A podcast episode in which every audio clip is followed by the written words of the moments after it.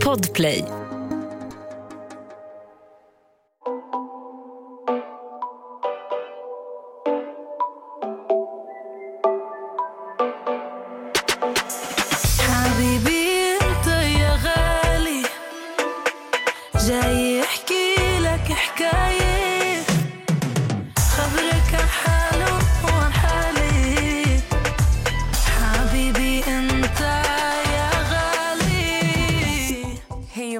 Till ett nytt avsnitt. Hej Nessa. Hej Emilia. Hur mår du idag? Jag mår bra. Hur mår du? Jag mår bra, men jag är lite nervös. Ja, det här avsnittet är ju... Alltså jag vet inte hur jag ska förklara, men jag känner mycket känslor. Men jag blir nervös för att det är, en sån, det är ett så stort ämne att, alltså, som vi ska prata om. Ja, Det är ett väldigt tungt ämne.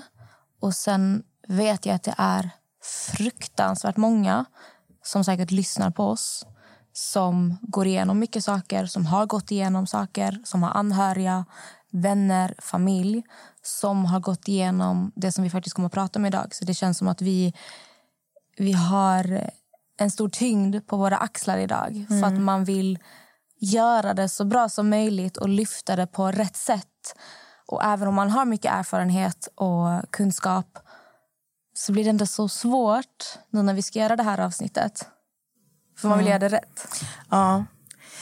Men eh, jag tror att vi kommer göra det bra. Så gott vi kan i alla fall.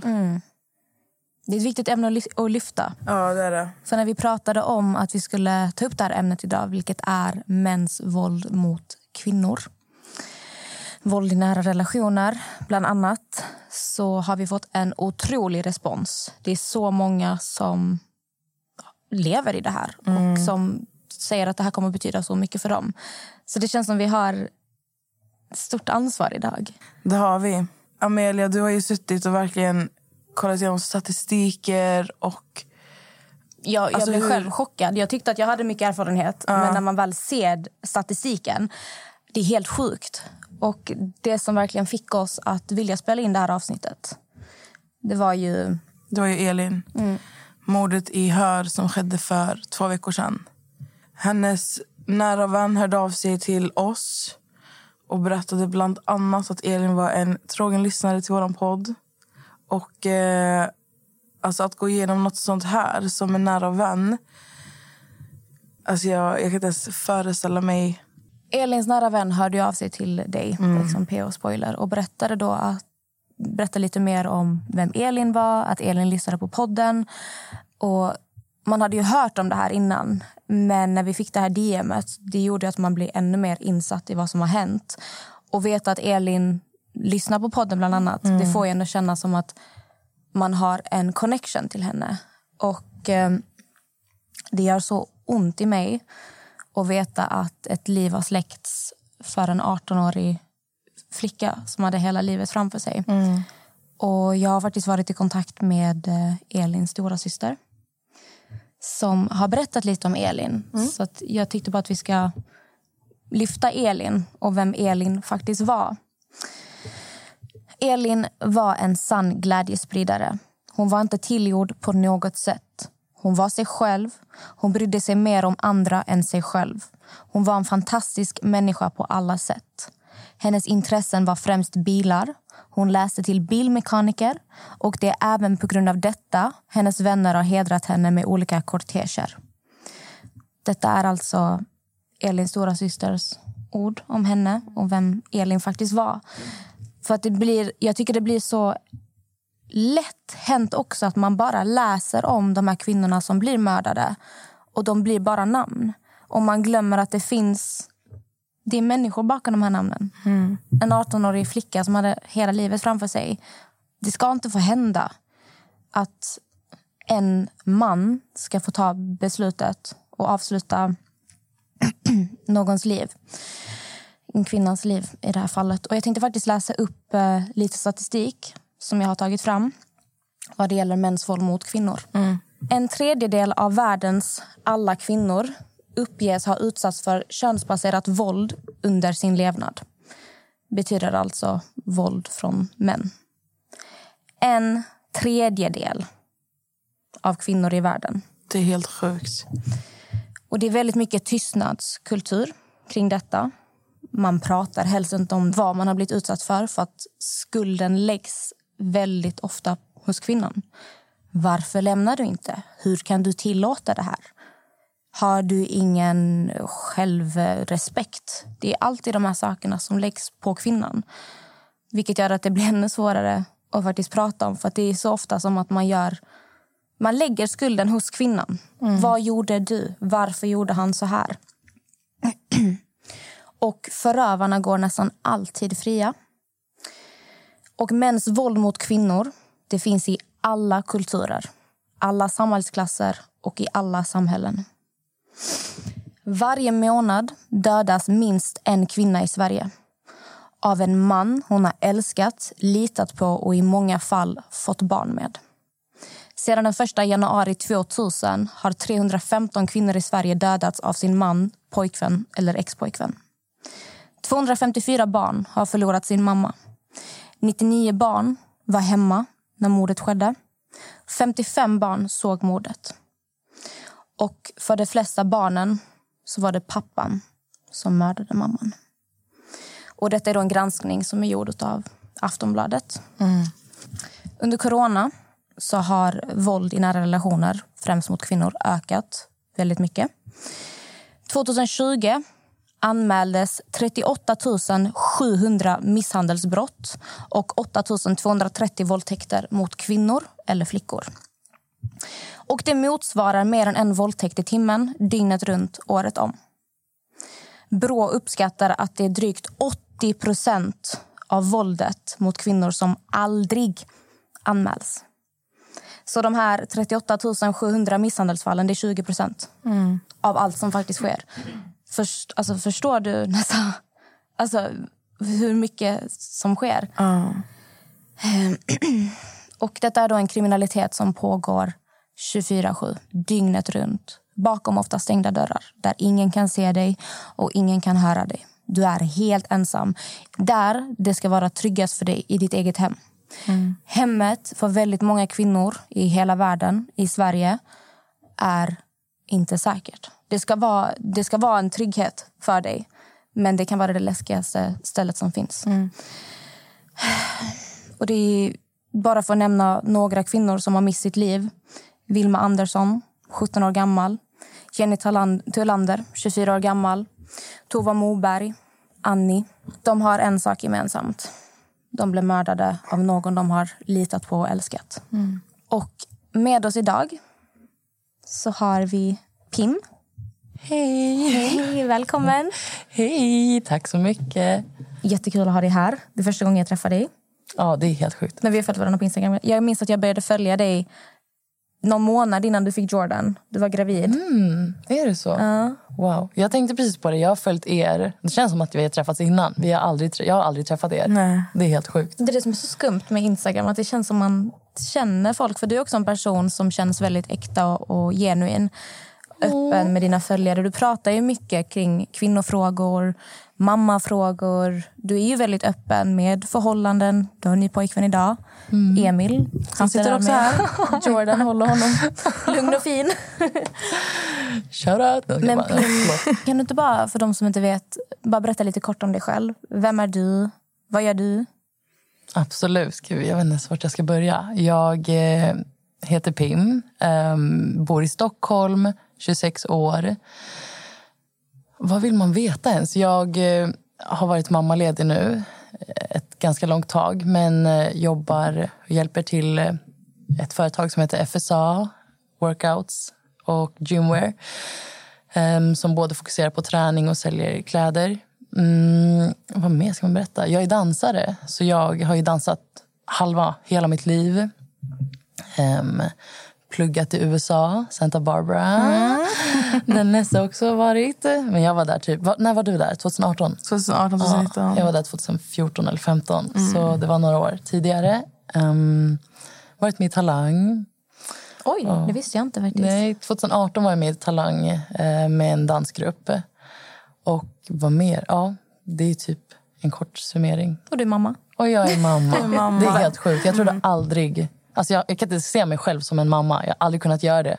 Och sen bara hände det. Och sen, ja, nu är vi här. Nu är vi och nu är det så självklart. Alltså jag kan inte tänka mig att inte ha honom i mitt liv. Liksom. Nej. Men du har glömt missa en del. Du håller på med Youtube. Ja, just det. Det där. Man vill inte heller säga så här, jag är influencer. Du vet, folk snackar ju och pratar om mig som om jag är det. Men jag har jättesvårt att kalla mig själv för det. Om ni hör någonting i bakgrunden så är det Pims lilla son. Jordan. Han sitter här borta. Pim, all den här em, statistiken som jag precis läste upp. Var, alltså, visste du hur mycket det faktiskt var? Nej, alltså nu när du läser det. Jag, jag hörde det innan, när du läste upp det innan vi började spela in. Men nu när du läste upp det, alltså jag var helt tårögd. För att jag var, alltså det var som att så här, alltså känslor kom tillbaka. Och eh, det känns så overkligt att det händer. Alltså, jag vet inte, hur, hur reagerar man på när man pratar om döden? Att någon går bort på grund av det här. Alltså fattar ni vad jag Att menar? man har varit i en själv liknande situation men för någon annan så har utvägen, eller utgången blivit något Ja. helt annat. Att det kunde lika bra ha varit du, det kunde varit jag, det kunde varit Nessa. Ja. Men för vissa går det så långt.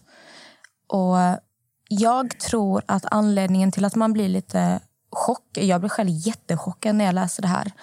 Eh, För jag visste om att alltså, mäns våld mot kvinnor det är ett samhällsproblem. Det är ett stort problem. Det ska inte finnas överhuvudtaget. Men jag hade inte någon aning om hur mycket det faktiskt är. Och jag tror det är för att detta är ju inget folk pratar om. Det är inte så att du säger högt bara, "Ah, men jag blev misshandlad av mitt ex eller min man slår mig. Det, det är ingenting man ofta säger till folk. För jag vet kvinnor som lever i såna här förhållanden, de håller ju oftast allting inom sig. För det är så att våga ta modet och bara ens berätta för någon utomstående. Det krävs otroligt mycket mod och det är läskigt. Man är rädd. För att när du är i ett förhållande med en man som psykiskt och fysiskt eller eh, psykiskt och eller fysiskt eh, misshandlar dig så är du oftast väldigt, kan man säga, hjärntvättad. För det här blir så normaliserat för dig att du reagerar knappt längre på vad det han faktiskt gör. För att när du är med om någonting om och om och om och om igen till slut så blir det här din vardag. Det är någonting som är normalt för dig. Saker som du går igenom, som han kanske gör mot dig, för det har det blivit helt normaliserat. Men om någon utomstående skulle sitta och titta på, de hade ju tappat hakan. Och jag tror att dela med sig av de här upplevelserna kan vara så svårt för att man fattar inte riktigt vilka typ av förhållanden man faktiskt är i. Och därför tror jag att man blir så chockad av att faktiskt höra hur det ligger till. Jag tror också att så här, spolar man tillbaka till hur det var för länge, länge sen så var det säkert extremt så här, normalt att bli misshandlad av sin man. Så här, han kom hem full, misshandlaren. Men man var så här, men jag är kvinnan, jag ska tiga. Jag ska vara tyst, jag ska vara stark för familjens skull. Alltså långt, långt tillbaka. Och sen nu med tiden när vi liksom har blivit lite mer Alltså nu i dagens generation så tror jag mer att man är tyst för att eh, typ eh, man skäms såklart. Eh, men också typ att man känner väl typ att eh, det finns ingen mening kanske med att berätta det. Eller att man är rädd att om man går ut med det så finns det ing- man kan inte ta tillbaka det. Och då kanske det blir de här konsekvenserna. Men också typ att eh, pratar om det till nära och kära så kommer de för alltid se på din partner som du är med som en viss bild och då kan du inte rädda det. Du kan inte ta tillbaka vad du har sagt. Och de kommer alltid hata den. Även fast du typ vill lösa det. Eller förstår ni vad jag menar? Men jag kan också tänka mig att anledningen till att man är tyst det kan vara för att man, alltså att man lägger skulden på sig själv. Att man är rädd över hur folk ska döma en. Att istället för att någon som går igenom det här vänder sig till en nära vän då kommer ju vännen direkt på men alltså, det var som du sa i början Amelia. Men varför är du kvar med honom? Vad, alltså, vad har du gjort så att han ska göra? Jag tror att många är rädda för att de ska bli, att det är de som blir dömda. Dö, alltså, Det blir Ja, en otrolig absolut. De- press på dem också. Att om jag nu berättar det, nu måste jag lämna. Och det, det sjuka i det hela är att det finns kvinnor som har levt i såna förhållanden i över tio år och kan inte lämna. Nej. För det, det är inte så enkelt. Jag, jag, jag blir jätteprovocerad och jag hatar verkligen när jag hör tjejer eller killar sitta och säga "Åh, det är bara att lämna. Jag skulle aldrig låta en eh, man slå mig. Åh, det är så svagt. Hur kan man tillåta sig själv bli behandlad så här? Om du inte har varit i den situationen, håll käften. Och det är verkligen så här att alltså, du kommer aldrig klandra en hund som älskar sin ägare hur mycket hunden än blir slagen, lämnad. Alltså hunden kommer alltid komma tillbaka till sin, ägare och älska den villkorslöst. För att den här människan, alltså ägaren, är ju trygghet för hunden. Och det är exakt samma sak med kvinnor som är med män. För att allt annat är ovetandes. Alltså så här, allt annat är främ, alltså främmande för dem. Så att vända sig tillbaka till någonting de anser är tryggt det är det enda de vet om. De vågar inte ge sig ut i det andra. Och Det är därför de är kvar. Så varför klandrar man en kvinna men inte en hund när det är exakt samma grej? Fattar ni? Man säger också att oftast när kvinnan försöker lämna så blir det ännu farligare för henne. Exakt. Situationen förvärras ännu mer. Och det är ju väldigt... Alltså det är ju psykisk misshandel. Man får ju ett slags, det kallas väl för traumaband till din förövare.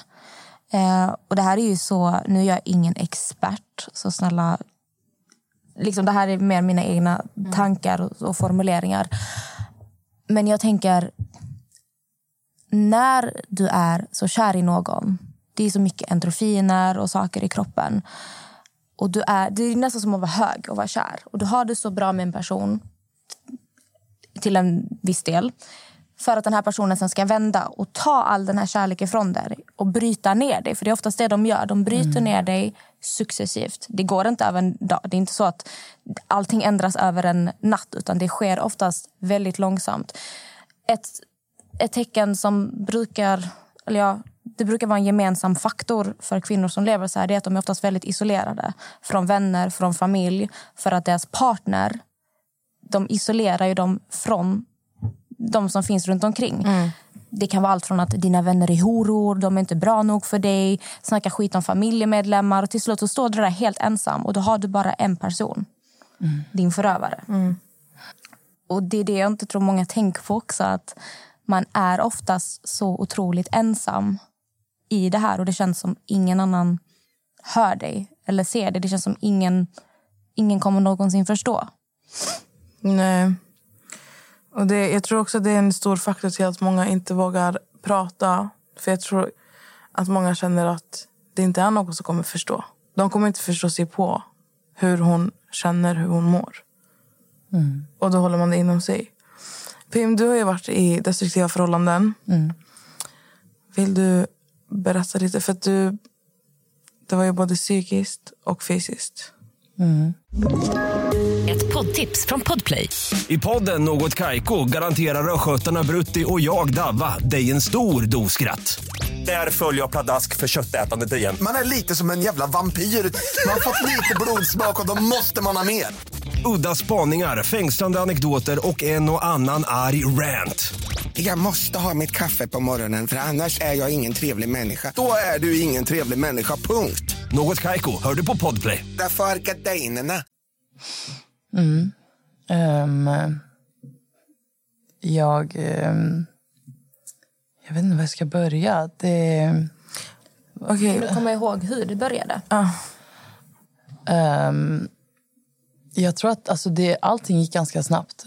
Um, allting skedde liksom på ramen av ett år. Lite mer, ett och ett halvt år. Men eh, man, jag tror att ehm, det var inte alls planerat. Utan liksom då var jag helt bestämd på att jag ska fokusera på mig själv. Och så träffade jag då eh, vad ska man säga, min dåvarande eh, som då... Alltså efter tre månader började jag ju märka saker. Alltså det var ju allt från vad som hade hänt med hans ex. Och ni vet så här flaggor man bara så här, eh, ser förbi. Eh, och bara okej men ehm, för man, som människa så vill man ju ge alla en chans. eh, Att eh, Jag skiter i vad jag hör om dig, utan jag vill bilda min egen uppfattning av dig. och det är klart att man alltid till en början upplever en människa på alla de positiva sakerna. Eh, man såg förbi, jag såg förbi allting. Eh, men redan efter tre månader kände jag liksom att alltså det, det var mycket så gaslightning. Jag vet inte om ni, vet ni vad det är? Gaslightning. Och mycket så silent treatment och mycket så här, alltså, Du får, vi- nog, du får nog utveckla lite av det där. Ja, För jag- det kanske, alltså vi jag- kanske har lyssnare som... Ja, nej, ja, precis. Och det är just det, jag vet inte hur man ska... Kan du förklara vad gaslightning är? Jag skulle väl förklara, när du gaslightar någon, du får personen att, eh, in, att vad heter det, missförstå sin egen verklighet. Du börjar ifrågasätta dig själv lite. Om jag, om Pim, låt oss säga du har sårat mig och varit taskig mot mig och jag känner mig kränkt, bara till exempel. Och jag försöker berätta för dig om vad jag känt när du gjort så här och så här. Då vänder du det och säger, nej men det är inte jag, det är du som får göra så här. Du vänder det som att det är mitt fel att det här händer. Och nej, så, så gick det inte alls till. Jag sa inte alls så där, så har jag inte sagt. Exakt. Du vänder och vrider så att personen ifrågasätter sig själv. Jag, kan vara, jag vet att jag har hört någonting, jag vet att jag har sett något. Men när jag konfronterar människan så kommer personen säga att det här har aldrig hänt och vända det på att det var jag som gjorde något annat. Det skulle jag väl säga är gaslight. Att du, Ja. du får personen att inte tro på sin egen verklighet. Ja. Man blir jätteförvirrad. Det var bra förklaring. Ja, det var en jävligt bra förklaring. Och, alltså, jag blev galen. Alltså, jag började spela in samtal. Jag... Eh, Så du märkte ganska, ganska snabbt då att... Även fast du såg förbi de röda flaggorna från början så tog du tag i det ganska snabbt. Och ehm, ja, precis. Jag, eh, jag typ struntade i vad alla mina vänner sa. Eh, även fast alltså, jag vet inte hur många flaggor jag fick och folk bara nej, alltså, han är inte bra. Och jag var så här, mm, fast så här, han ska förbättras och han är bra nu. Och den bilden ni har fått av honom, det är bara vad hans ex går runt och sprider. Alltså, ja. Men tror du att du försvarade honom för att du var kär? Eller för att du genuint verkligen trodde bättre om honom? Jag tror typ det andra. Jag vet inte. Alltså, jag, kanske lite av båda, tror jag. För att nu i efterhand tänker man typ att så här, var man kär eller var man bara trygg? Förstår ni vad jag menar? Typ att, eh, jag kan tänka typ att eh, shit vad jag var manipulerad och eh, hjärntvättad. Och då vet jag inte längre om jag kan säga att jag var kär. Liksom. Ehm, så att jag, jag som person tycker bara typ så här, alla förtjänar andra chans och jag vill se en människa för den, så som den är. Ehm, och det är just det som är det största problemet liksom med alla som, eller inte största problemet, det är inget problem egentligen utan det är bara man ser det bästa i folk. Man vill tro det bästa hos alla och se förbi det dåliga och liksom ge dem en ärlig chans att vara bra. Men jag tror väldigt ofta den här typen av män som misshandlar sina kvinnor jag vet, de har en tendens, känns det som, att dra sig till den här typen av kvinnor som är väldigt godtrogna, som vill tro det bästa om folk, som är väldigt snälla, som är kloka, smarta, framgångsrika. Allt det, Exakt. de, det är som att man har ett ljus och de dras till det ljuset. För det, det är så ofta man hör om, om de här tjejerna som är så otroligt snälla och det är de som råkar ut. Jag säger inte att det bara är så, men jag, jag bara upplever det som att det finns, de här männen har en tendens att dra sig till de här kvinnorna. Och sen typ sakta men säkert eh, trycka ner, eller vad, vad ska, hur ska man förklara det? Att man sakta men säkert liksom förstör. De bryter ner bryter dig. ner. Exakt, eh, bryter ner en annan, liksom en stark människa. Men var det bara, började det psykiskt? Det började väldigt mycket psykiskt. Mm. Ehm, jag, under den tiden som det var mycket psykiskt så hände mycket fysiskt med han och hans ex. Vilket jag tänkte så här, nej men det är hon. Liksom, jag tänkte hela tiden att Alltså, det är menar du fysiskt som att de två bråkade? Ja, alltså fysiskt. De bråkade fysiskt med hans ex? Precis. Eh, under tiden som vi träffades. Eh, Och då tänkte jag liksom bara att men, så här, det är hon som triggar igång hela situationen. Så här, börjar och han typ försvarar sig. Ehm, sen eh, blev jag gravid. Eh, och det var inte planerat. Men just där och då så kände jag att det finns ingen chans i världen att jag kommer göra abort. Um, inte för att jag alls har någonting emot abort utan bara så här, jag själv kunde inte föreställa mig där och då att göra abort. Um, så att uh, under tiden som jag var gravid så alltså jag mådde dåligt hela graviditeten. Det var liksom otrohet och det var mycket psykisk misshandel. Och det tog mig så långt att eh, alltså det var liksom mycket bråk som gjorde att jag hamnade på psykakuten på Sankt Görans och blev inlagd När var Eh. När du var när jag var gravid i sjunde månaden. Ehm, jag var självmordsbenägen och eh, tänkte typ att jag klarar inte av det här. Jag klarar inte av det här livet och så fort jag har fött mitt barn så dör jag. För det var liksom... Gud, förlåt, jag kommer börja gråta. För det var typ så jag såg det. Att så här, jag kommer aldrig överleva det här. Ehm, och eh, det finns ingen som kommer älska mig. Ehm, speciellt inte någon som kommer vilja vara med mig och mitt barn. typ. Och typ, jag vet inte, det var så här, jag kan, jag kan inte leva med den här skammen. Gud, förlåt, alltså jag skakar skitmycket. Nej, det är okej. Vill du pausa? Nej, det är ingen fara. Vi kan fortsätta. Ehm, det blev ju väldigt... Um, alltså, värre. Jag kan tänka mig så här, jag var gravid, det var mycket hormoner. Um, och uh, man ville hela tiden bara bevisa att jag inte är galen. Jag har rätt. Liksom. Man försöker bevisa liksom, att den här människan bedrar mig, men jag har inga bevis. Alltså, man gick så långt för att bara få det bevisat för att ha en anledning att, att lämna. Typ, man, hade ingen, man hade ingen logisk anledning till att lämna för det fanns inga bevis på hur man blev behandlad. Det var därför jag började spela in saker. Eh, och det var därför jag började liksom bara... Men jag har inte fel, för jag vet vad jag har sagt. Men när jag alltid fick höra att nej, alltså, jag har aldrig sagt det där, då blev man så här, det är något fel på mig. Jag är galen. Och mina släktingar började säga till mig, för att de hade ju bara hört hans historia. Det är ofta så också, de pratar med ens närstående och bara, jag ska ringa till din mamma, jag ska ringa till din familj, dina vänner. Och så sitter de liksom och snackar om hur störd man själv är. Ehm, så att de började ju hålla på mot mig och säga liksom att men du måste tro honom, du måste bete dig så här och så Din här. egen liksom. familj. Ja. Och jag var tyst hela tiden om hur jag blev behandlad och vad som jag gick igenom för att de inte skulle hata på personen. Du skyddade honom.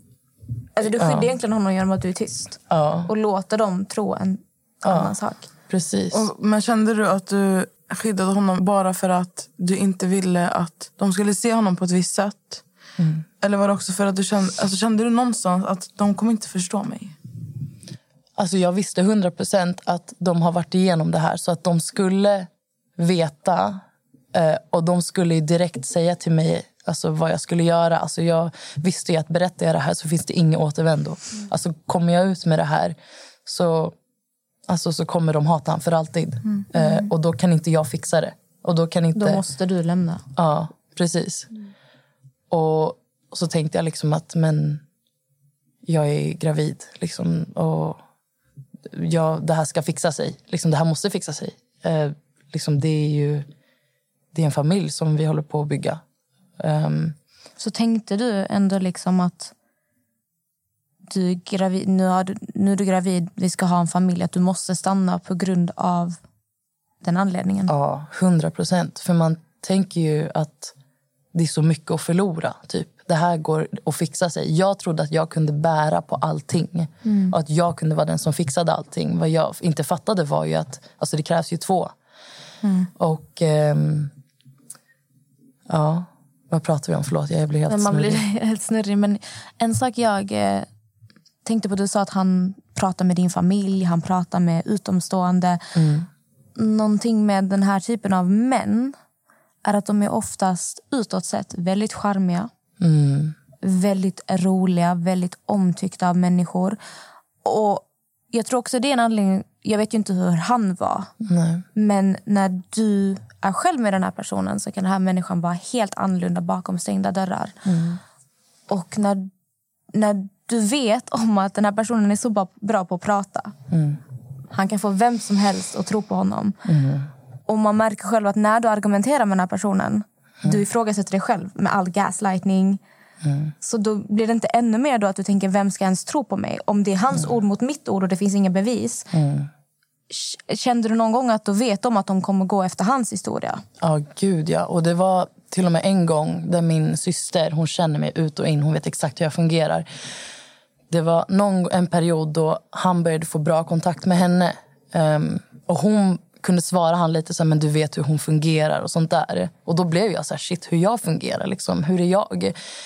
Så var det ett bråk när jag var sex månader gravid där vi bråkade i bilen och han, eh, han eh, höjde hastigheten, alltså han körde snabbt för att skrämma upp mig.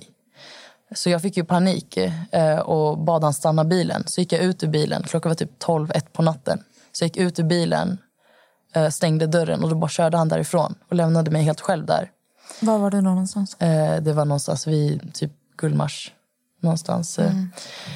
Och eh, då, efter typ någon halvtimme, någon timme, alltså jag sitter typ vid en port och gråter. Och en tjej liksom ser mig och bara, jag kan inte lämna dig ensam här när du sitter och gråter. Jag var så här, jag, jag är bra, jag lovar, allting är bra, låt mig vara, lämna mig i fred. Sitter där liksom höggravid, eller inte höggravid, men sex månader gravid.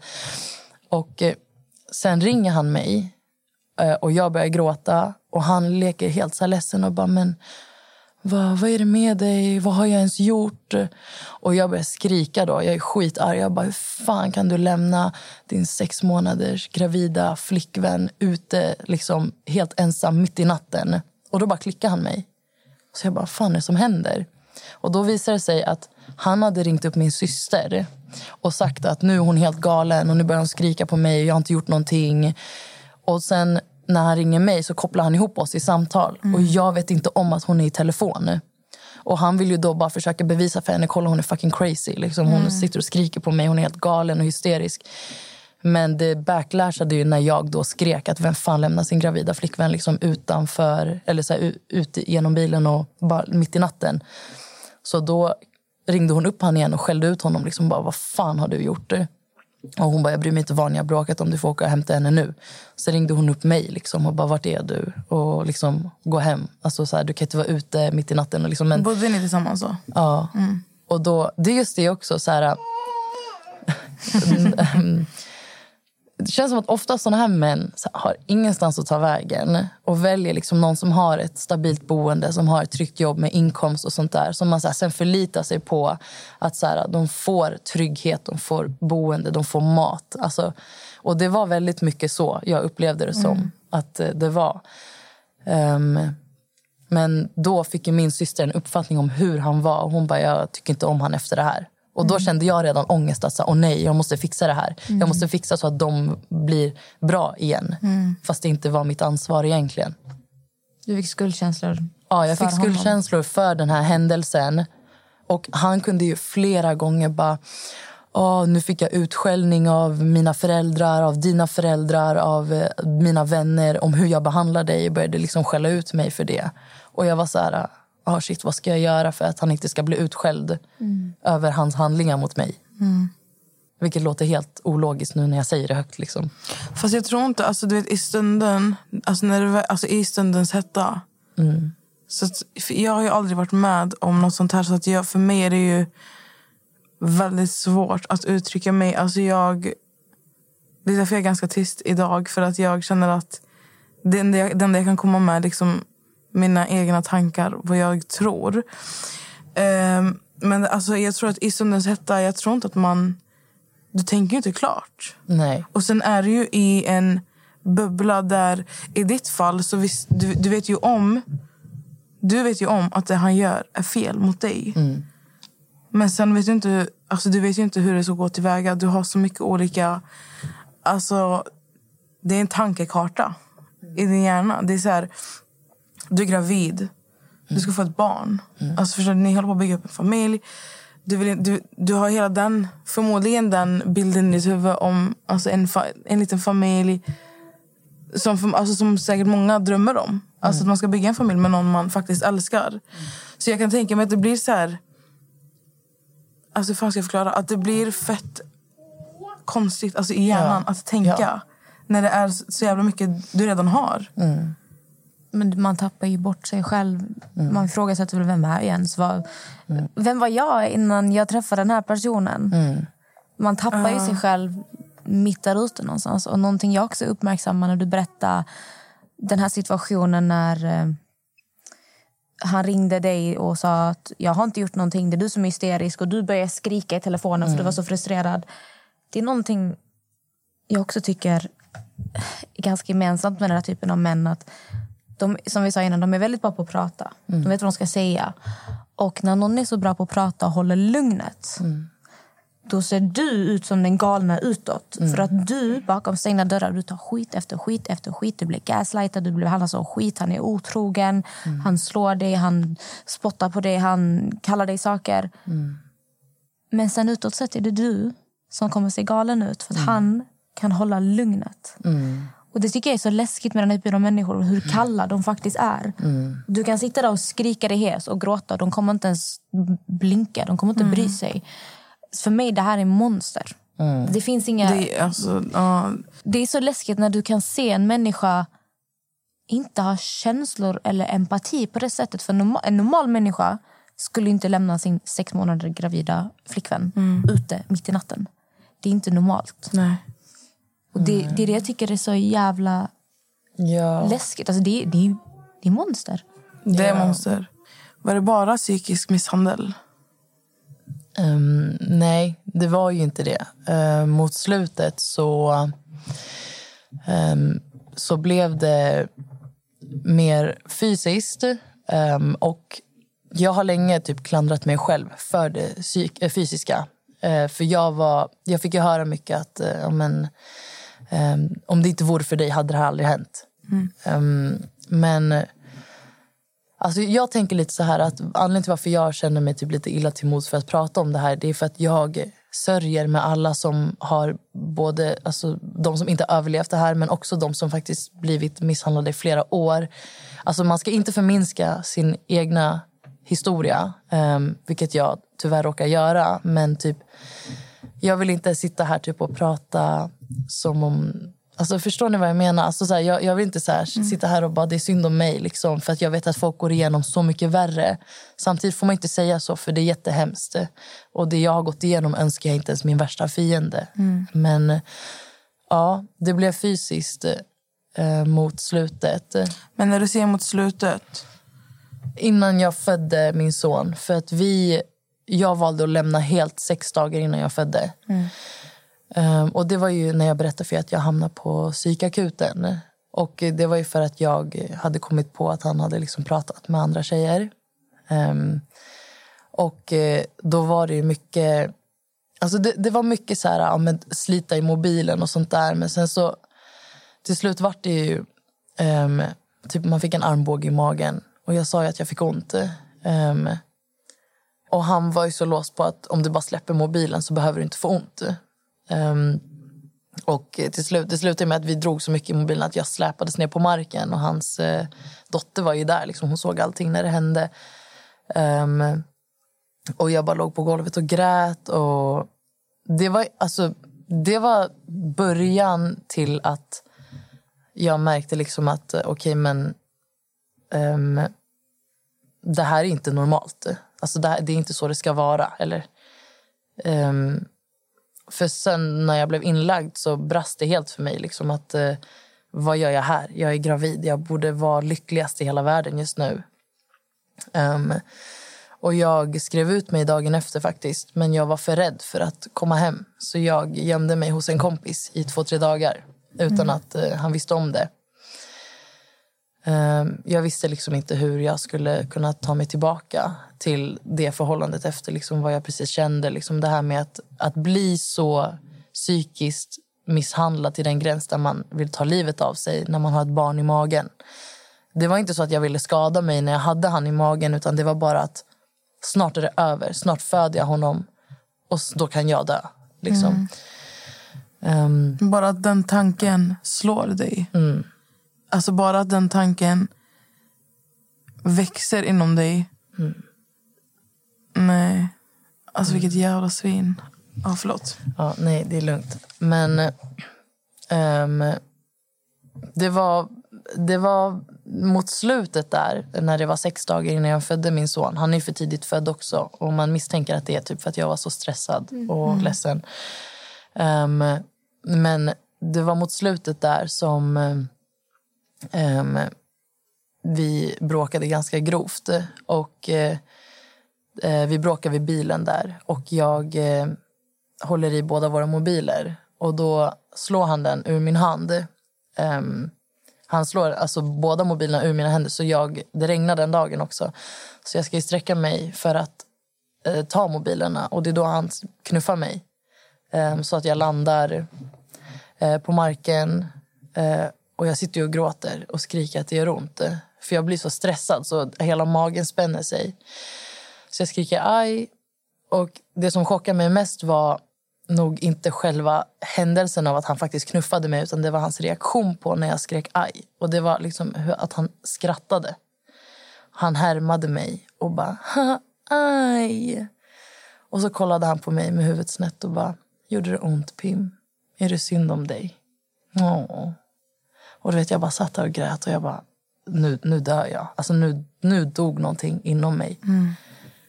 Och han bara, tycker du synd om dig själv? Och sen såg han mina nycklar och kastade dem åt helvete. Och jag var så här, varför gör du så här? Och då han började skrika på mig och säga så här, du är den värsta människan jag har varit med. Du är så jävla äcklig och så här, kommer knulla alla tjejer efter det här. Och liksom typ så här, jag vill inte ha någonting med dig att göra. Jag kommer inte vara där när, ehm, när, liksom, när han föds och sånt där.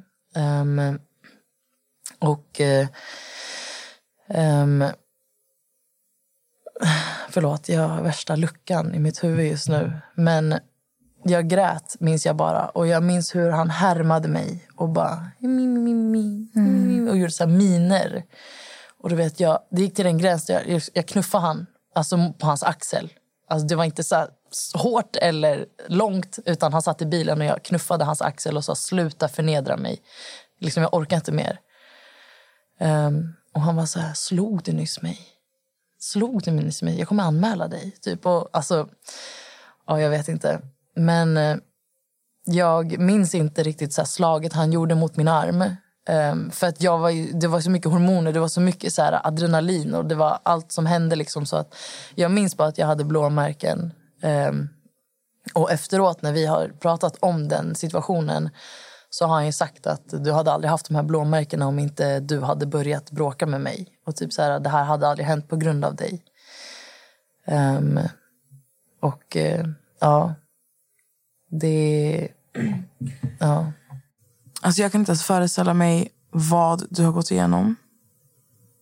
Alltså när jag sitter här blir jag känslo, alltså jag blir så känslofylld, men jag blir så arg.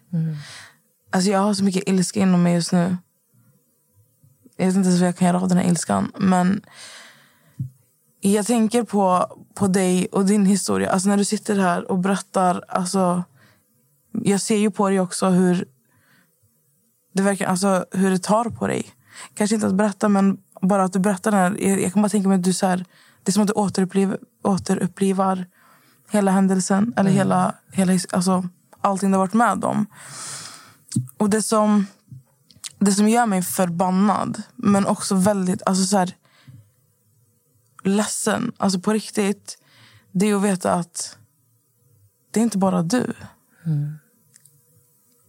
Det är så många andra alltså, som får gå igenom sånt här. Alltså, det, jag vet inte ens vad jag ska säga. Ja. Men jag vill bara att du ska veta, alltså, innan jag fortsätter, det är så jävla starkt att du sitter här idag och berättar det här. På riktigt. Men du gjorde slut med honom innan sex dagar innan du födde. Det var när det här hände och då kände jag bara att så här, jag kan inte ha det så här. Jag kan inte leva så här. Ehm, Vill du berätta lite hur det tog slut och sen, vad hände sen? det var ju liksom efter den här händelsen eh, och då sa jag liksom att det här går inte.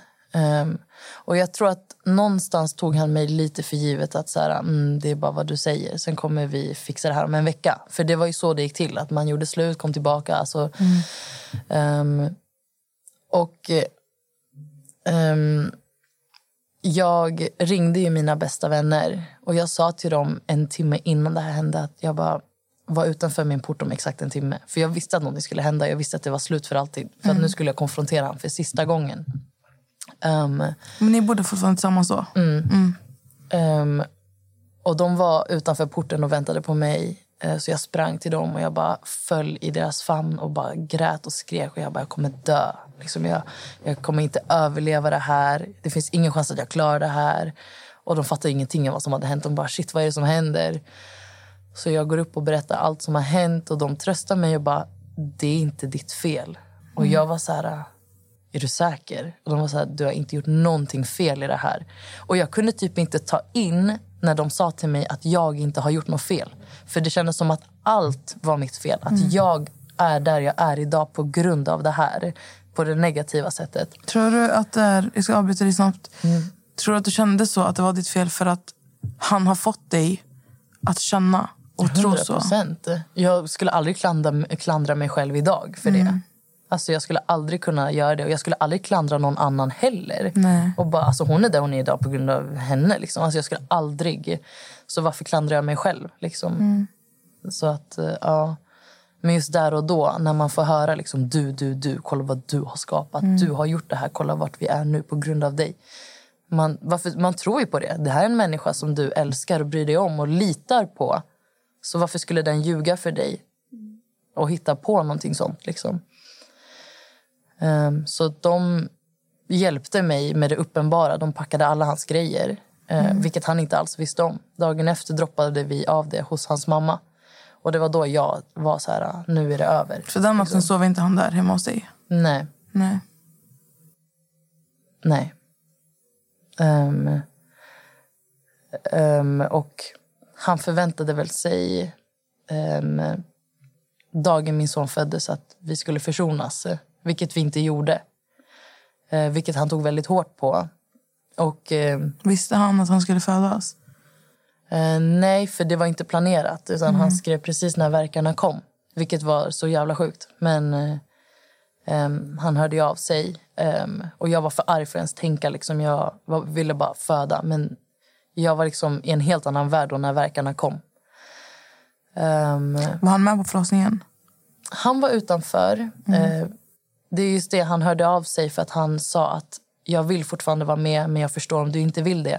För mig kände jag bara att det här är en människa som har skadat mig. Jag vill inte att han ska röra mig, ens prata med mig. För när jag ser på honom så ser jag typ min förövare. Och d- jag blir triggad av att se honom. Och att se honom i samma rum när jag mår som sämst och ska föda. Jag hade nog dött då, alltså, tänkte jag. Eh, min kompis och jag vi la upp då att jag var på SÖS. Och då kom ju han. Fast hon säger till honom, kom inte hit, du kommer bara göra det värre. Han kom, han stod utanför, han gick ner på knä och bad och bönade om att få komma in. Eh, Men eh, jag, jag sa liksom nej. Ehm, Till slut när jag väl, liksom, typ fem minuter innan han kommer ut, Jordan, alltså, så säger jag liksom att men, låt han komma in och typ klippa navelsträngen. Ehm, och det är inte för hans skull, det är för min sons skull. För att jag vet att min son kommer fråga mig dagen han föddes vart hans föräldrar var. Liksom. Och jag vill inte vara den onda i det här som bara, mm, men alla var inte med. Typ. Ehm, så att, eh, ja. Ja. Så han kom in, klippte navelsträngen och sen, ja. Sen fick du din son och jag kan tänka mig att där kom lyckan. Där var det nog väldigt mycket känslor. Ja. Tror du att eh, din son hjälpte dig att ta dig ur? Alltså hundra procent. Och det är så sjukt. Men jag tror att hade inte jag haft min son då kanske jag fortfarande hade varit i det här destruktiva. Alltså för att det känns som att min son motiverade mig till att så här, du måste ha självrespekt nog för att så här, och jag tänkte också att den här mannen kan inte vara den här förebilden som ska visa han hur man behandlar kvinnor. Jag, jag kan omöjligt tillåta det liksom, mot mig, mot hans egna mamma. Ehm, och jag blev också motiverad på att lägga mina känslor lite åt sidan. Alltså ens känslor är jätteviktiga, speciellt när man precis blir mamma, när man alltid är mamma. Men just där och då var jag så här, jag kan inte vara självisk nu. Jag kan inte låta min son påverkas negativt av det här. Jag måste göra det som är bäst för honom. Så då var jag tvungen att liksom fatta ett beslut för våran skull. Ny säsong av Robinson på TV4 Play. Hetta, storm, hunger. Det har hela tiden varit en kamp. Nu är det blod och tårar. liksom. Fan händer just nu. Det. är Detta är inte okej. Robinson 2024, nu fucking kör vi! Streama söndag på TV4 Play. Ett poddtips från Podplay. I fallen jag aldrig glömmer djupdyker Hasse Aro i arbetet bakom några av Sveriges mest uppseendeväckande brottsutredningar. Går vi in med hemlig telefonavlyssning och, och då upplever vi att vi får en total förändring av hans beteende. Vad är det som händer nu? Vem är det som läcker? Och så säger han att jag är kriminell, jag har varit kriminell i hela mitt liv men att mörda ett barn, där går min gräns. Nya säsongen av Fallen jag aldrig glömmer på Podplay. Och sen sista frågan jag ska ställa angående det här. Du fick, Jordan hjälpte dig, jag säger Jordan. Mm, säg Jordan, för det är exakt det han heter egentligen. Det är Ah. bara jag som har blivit försvenskad och bara Jordan. Ehm, så ibland, alltså, typ, när- du kollar på Jordan ibland, kunde du så här påminnas av det du har gått igenom? Alltså fattar du? Eller vänta lite, nu tappar jag Jo, bort mig jag förstår själv. exakt. Ja, okej, ja. Min fråga är egentligen, hur tog du dig igenom det här? Jag kan inte ens prata. Alltså, jag gjorde inte det i början. Jag Nej. satt och grät varje gång jag ammade. Eller, alltså jag grät minst en gång om dagen. För att jag hade den här skammen över mig. Och shit, hon är ensamstående mamma. Alltså jag kunde inte, kunde inte säga det högt. För att jag kände liksom att nu kommer fördomarna komma. Och hon är misslyckad. Hon är ensam. Vad, Jag vet att ingen... Alltså, jag tror inte folk tänker så, men jag tänker att folk tror eller tänker att vad har hon gjort för att mannen ska lämna? Eh, lämna dem, typ. Um, och jag gick ju till en psykolog för jag blev så triggad. Så fort jag såg en svart bil så fick jag panikångest. Alltså jag fick attacker mitt, mitt på ljusa dagen och började gråta och jag sprang hem. Och jag bara grät för jag var rädd att han var i närheten av vårt hus eftersom han visste vart jag bodde. Um, och eh, jag gick till en psykolog och bara, ni måste hjälpa mig. Jag klarar inte av att ha de här attackerna längre. Jag kan inte, ha dem, jag kan inte må så här medan jag tar hand om min son. Liksom. Ehm, och de kände ju typ att de inte kunde hjälpa mig så mycket. Vilket, eh, och då typ gav jag bara upp och, och typ försökte fokusera på annat. Eh, Det var inte riktigt så här... Eh, det var en psykolog på barnavårdscentralen. För de var så här, du får prata med psykologer Eh, efter du har fött barn. Och då gick jag till dem och bara, snälla hjälp mig. Liksom, jag, jag klarar inte av det här. Jag skakar, jag går runt och är rädd och orolig. Och speciellt när jag valde att ta ensam vårdnad. Då fick jag jättekonstiga tankar om att han kanske får en knäpp. Och vad vet jag, att han inte typ ser mig ensam gå någonstans på kvällen eller ljusa dagen och gör någonting mot mig för att få min son, alltså, alltså för att han ska ta honom. Mm. Fattar ni vad jag menar? Nej, jag alltså, det låter jättekonstigt kanske men alltså, jag var rädd att eh, vart jag än gick så kanske han typ var någonstans eh, och såg mig. För det, jag, det har hänt. Alltså, jag har sett hans bil utanför. Ehm, och det har ju triggat mig som fan. Liksom. Och eh, ja, jag vet inte riktigt. Det, ja, jag vet inte om, det svar, om jag svarade på din fråga eller gav dig det du ville höra riktigt. Du gav mig svar på din fråga. För att det är så här, jag vet ju att vi vet ju. Amelia läste upp en statistik som chockade oss alla tre.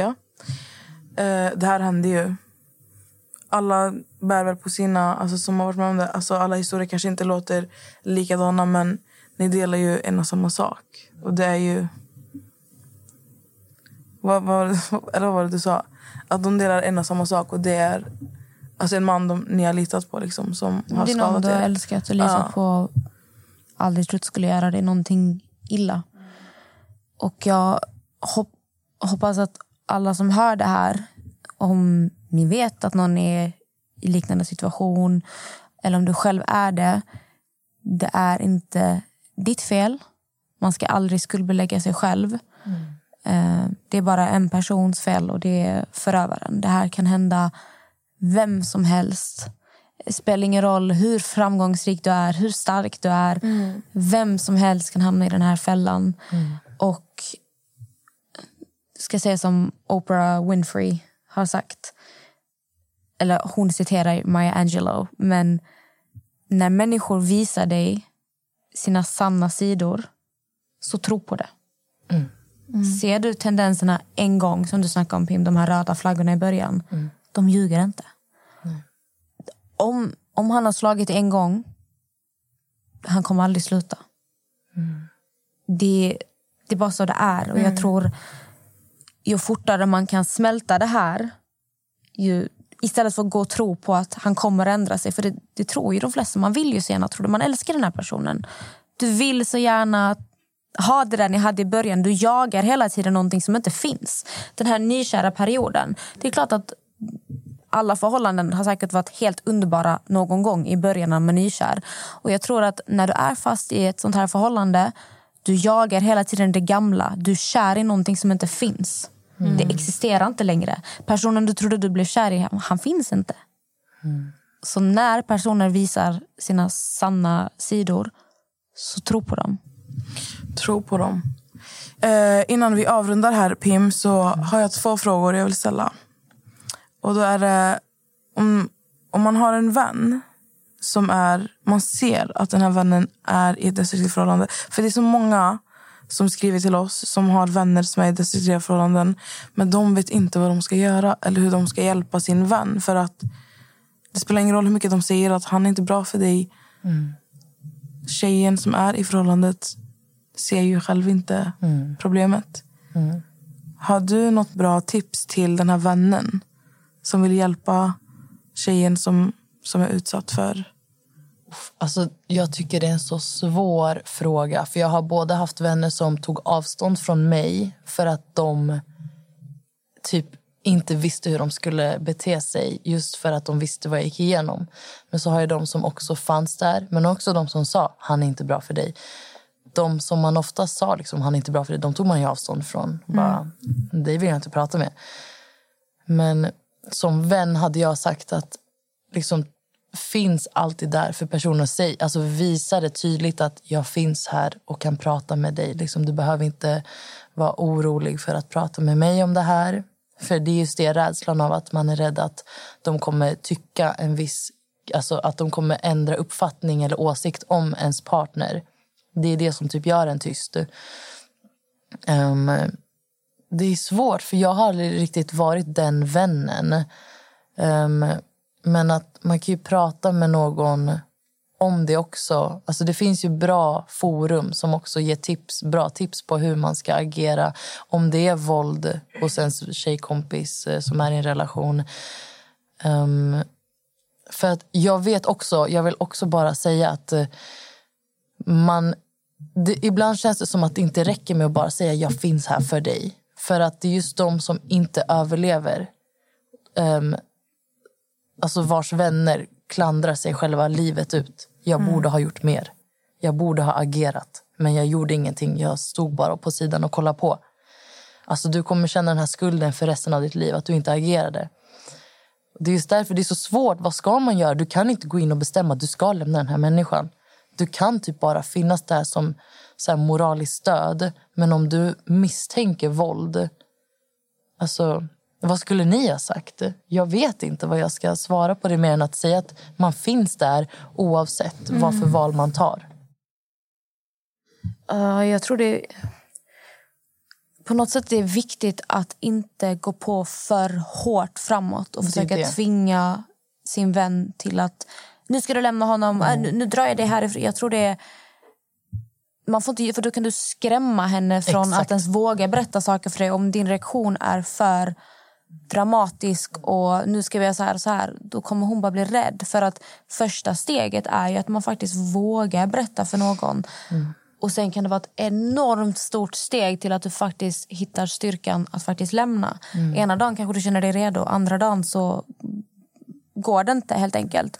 Ehm, så det, jag, jag tror det är viktigt att man inte agerar för dramatiskt och försöker tvinga utan, utan som du säger Pim, att visa att jag finns här. Mm. Du är i en trygg med- miljö med mig, du kan prata av dig. Mm. Och sen får man ta det därifrån, men inte sitta och pusha. Ja, men försöka typ vara så neutral som möjligt. Så hur, om den säger saker som du vill reagera på, försök att liksom bara, okej, hur känns det? Hur får det här dig att känna? Så att svaren finns redan inom dem. Det krävs bara att man ställer rätta frågor tills de själv säger det rakt ut och inser att hmm, liksom, de fattar sina egna beslut efter vad de själv säger rakt ut. Ehm, Jag tror det är så viktigt att visa att du har en trygghet hos mig. För att, som du var inne på innan, Pim, att många är rädda att lämna den här tryggheten. Det kan vara att du kanske inte får din ekonomi att gå ihop utan den här mannen. Du vet inte var du ska ta vägen. Jag tror att det gör väldigt mycket att veta att det finns andra som kan hjälpa dig. Eh, att du kan få tak över huvudet, att du kan få hjälp. Och det kan man ju också få hjälp på via jourhem. Eh, Ja, Sverige är fantastiskt på det sättet att man kan klara sig som ensamstående. För Jag trodde inte heller jag skulle liksom kunna klara det. Och sen finns det ju faktiskt eh, Kvinnofridslinjen. Telefonnummer på 020 50 50 50. Där du kan prata om du blir utsatt, om du känner någon som blir utsatt, behöver prata av dig. Det här numret syns inte på vad säger man, mobilräkningen. Eller, Det syns inte att du har ringt. Nej. Eh, och eh, personerna som svarar är då personer som jobbar med detta och är vana vid att hantera sånt här. Så jag tror att det kan också vara en ringa och själv få stöd. Veta vad, hur man ska agera, vad man ska göra. Hur kan jag hjälpa min vän?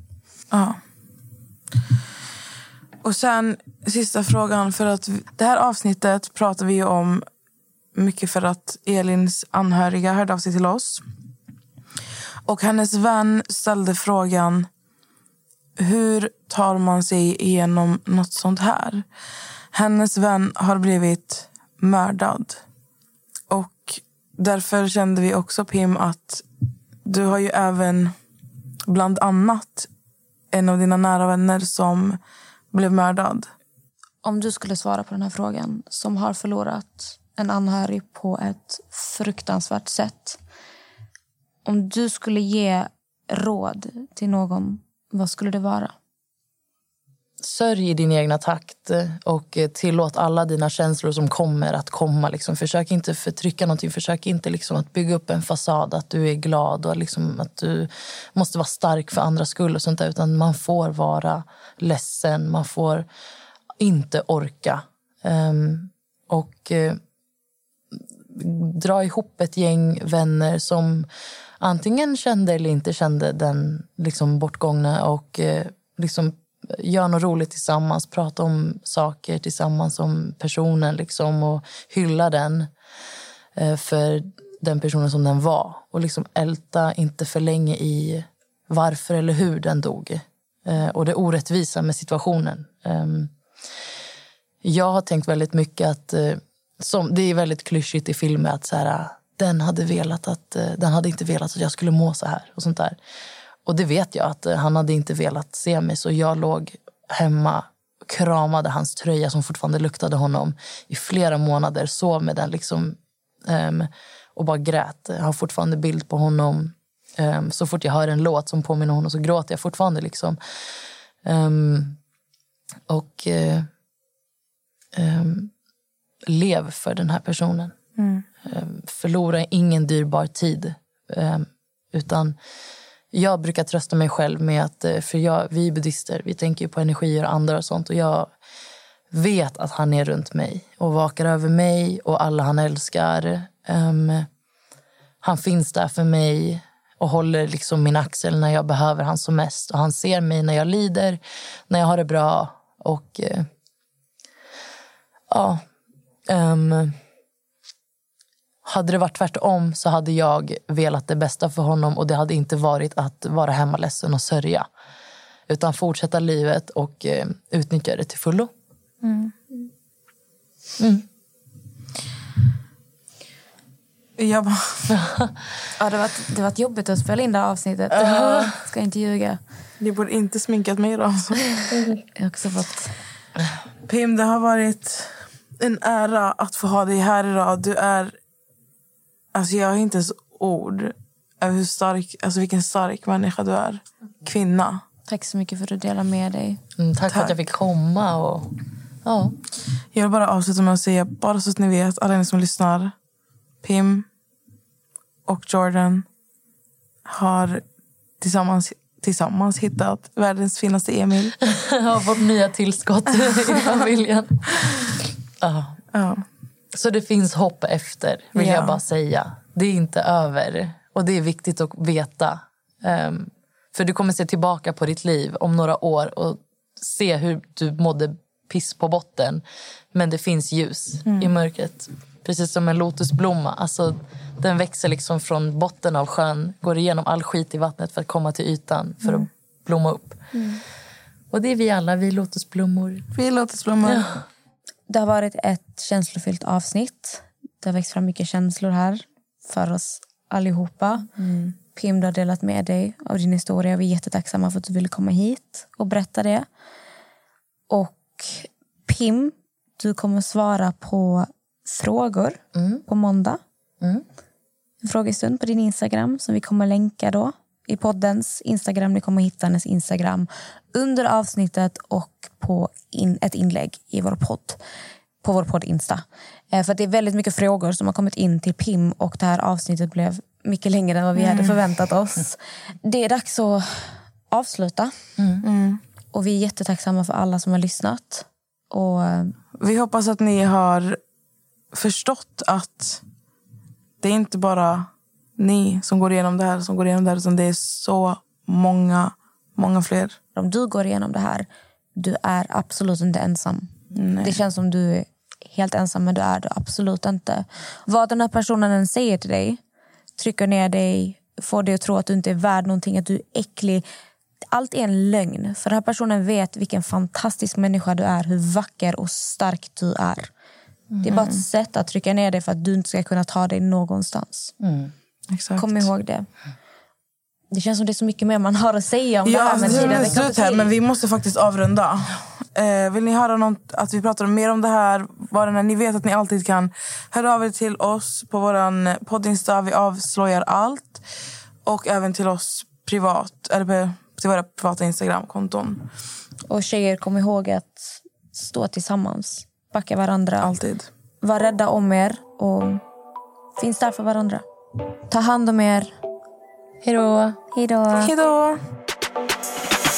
حبيبي انت يا غالي جاي يحكي لك حكاية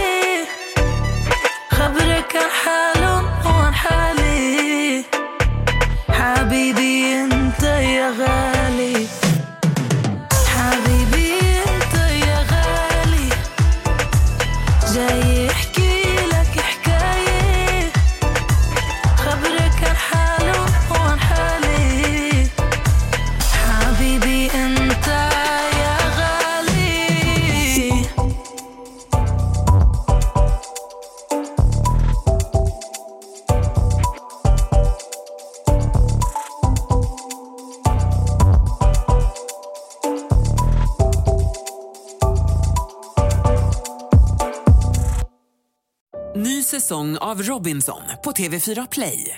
Hetta, storm, hunger. Det har hela tiden varit en kamp. Nu är det blod och tårar. Fan händer just nu. Det. är Detta är inte okej. Robinson 2024, nu fucking kör vi! Streama söndag på TV4 Play.